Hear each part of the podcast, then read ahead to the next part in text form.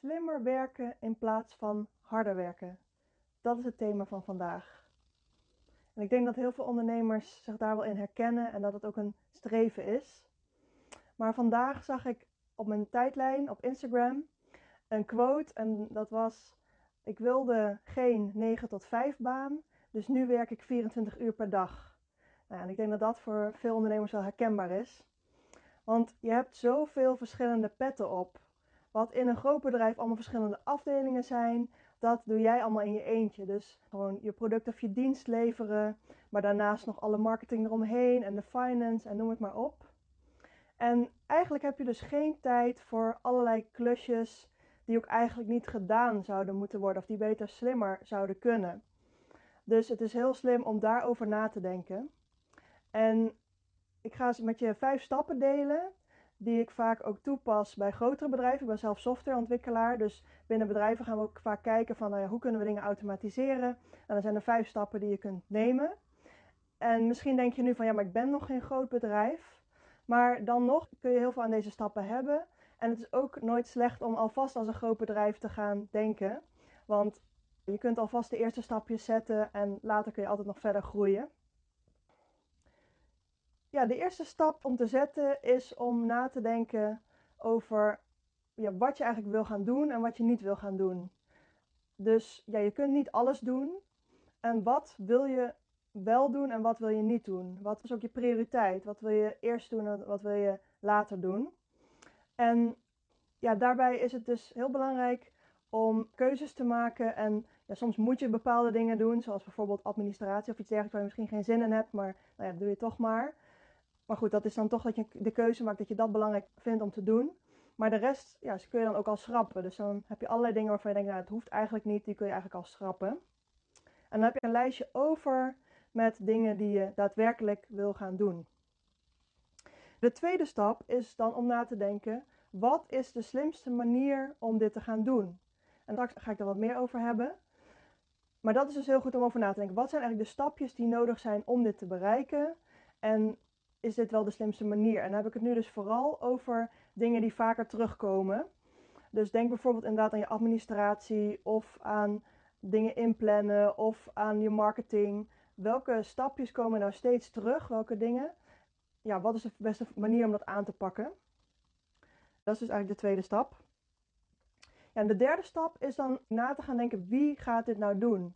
Want zeker als je misschien wat groter bent en ja, dan is het ook slim om bijvoorbeeld dingen te gaan uitbesteden. Dus moet jij dit echt zelf gaan doen of kan iemand anders dit ook doen?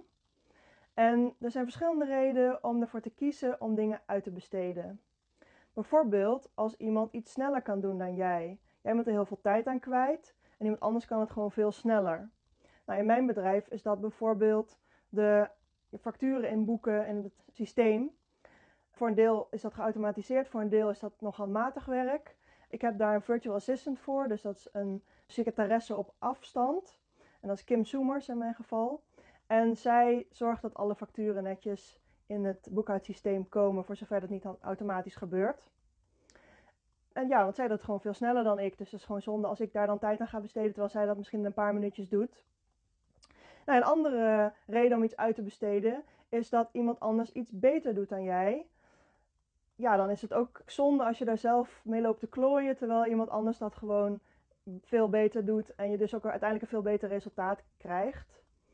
Nou, binnen mijn bedrijf kan je bijvoorbeeld denken aan de blogs die worden geschreven, het Pinterest-account dat wordt beheerd, infographics die worden gemaakt. Nou, dat zijn allemaal dingen die ik veel liever uitbesteed aan iemand anders die dat sneller en beter allebei doet. Dus uh, dat is een goede manier om het uit te besteden.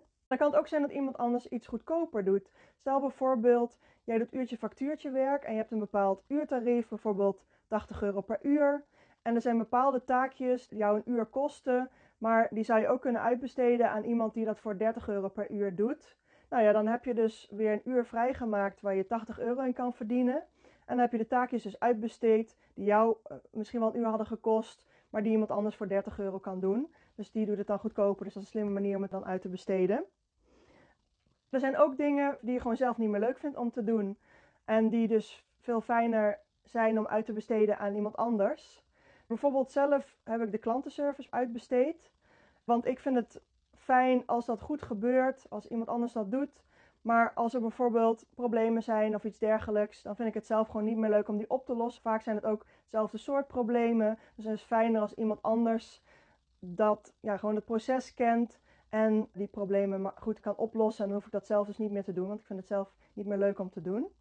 Dat zijn allemaal goede redenen om dingen uit te besteden. En je zou dus kunnen kijken naar een virtual assistant, eh, waar je bepaalde taakjes aan kan uitbesteden, waarvan je denkt van ja, dat kan iemand anders dus sneller, beter of goedkoper. Maar je zou dus ook kunnen kijken naar een expert die op bepaalde gebieden iets goed kan inrichten of goed kan regelen, zodat jij daar heel veel voordeel aan hebt, maar niet, ja, geen tijd meer aan hoeft te besteden. De volgende stap is dan ook om te gaan kijken van of je dingen kan automatiseren. En dat is dan bijvoorbeeld taken die steeds terugkomen, die gewoon sneller kunnen als het in een automatisch proces gebeurt. Het kan zijn dat je bijvoorbeeld e-mails die je verstuurt, mailing, dat soort dat stuk. Ja, je kunt ook denken aan bepaalde koppelingen tussen systemen, bepaalde data die je nu bijvoorbeeld nog handmatig inboekt, die je dus beter kan automatiseren. Nou ja, je zou kunnen kijken wat dan slimmer is of je stap 4 of stap 3 eerst doet. Dus dat je eerst gaat kijken of je het kan uitbesteden of eerst of je het gaat automatiseren. Mijn ervaring is dat het fijn is als het sowieso wel gebeurt en als het sowieso eerst van jouw bordje afgaat. Dus dat je daar geen tijd meer aan hoeft te besteden. Dus dat je het eerst uitbesteedt, maar dat je wel dus weet dat misschien bepaalde dingen ook geautomatiseerd kunnen worden.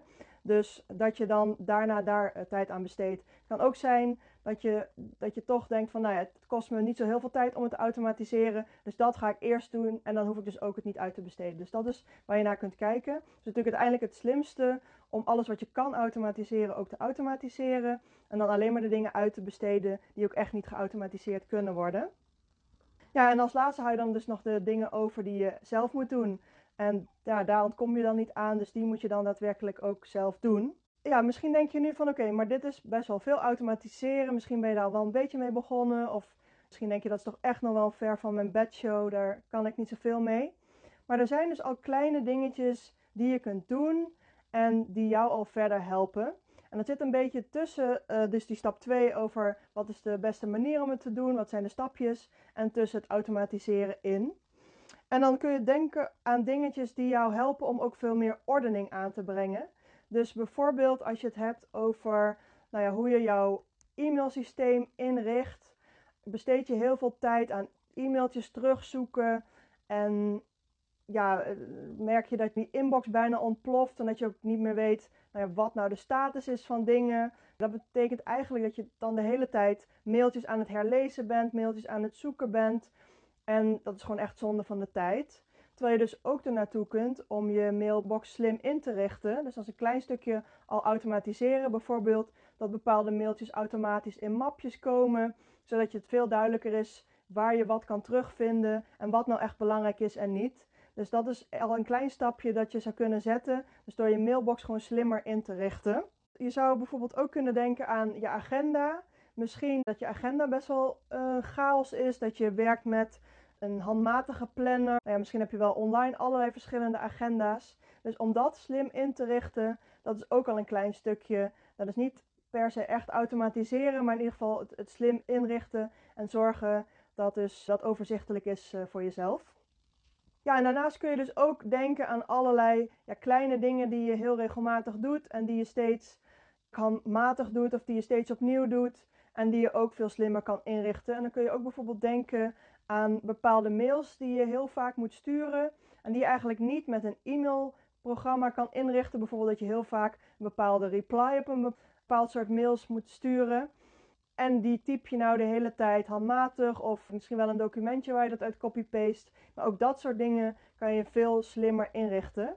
En dit zijn dus eigenlijk al wat kleine laagdrempelige manieren om te starten met slimmer werken in plaats van harder werken. En Kim Zoomers, dus dat is de virtual assistant waar ik het ook al eerder over had. Die dus mij helpt met de klantenservice en facturen inboeken. En ze helpt nog veel meer ondernemers met echt van alles en nog wat. Met transcriberen van, van video naar tekst. En nou ja, nog veel meer doet zij. Uh, kan, ik weet niet eens precies wat zij allemaal doet. Maar zij heeft in ieder geval ook een cursus ontwikkeld waarin zij anderen helpt om ook efficiënter te werken. Want als virtual assistant is het gewoon heel erg slim om zo efficiënt mogelijk te werken. Want je kunt dan zoveel mogelijk klanten helpen. Het is heel, echt heel erg zonde als je je tijd aan het verdoen bent. Dus zij weet er echt heel erg veel over. En zij heeft daar dus ook een cursus over gemaakt.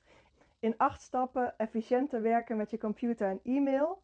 En daarin leert zij je dus al dit soort hacks die heel erg laagdrempelig zijn, waar je echt geen technische kennis voor moet hebben, maar waarbij je dus wel al gelijk echt verbetering in je bedrijf kunt aanbrengen. En qua systemen die je dan moet hebben, dan gaat het om qua laptop ofwel een Windows of een Mac. Maakt allebei niet uit. Er zijn allebei voorbeelden van. En qua e-mail is dat dan ofwel Gmail of Outlook. Die worden allebei behandeld. Dus als je denkt, ik wil nu wel wat kleine stapjes al zetten om slimmer te werken, dan is dit een cursus die ik zeker kan aanraden. Bedankt en laat me weten wat je ervan vond en dan spreek ik je snel weer.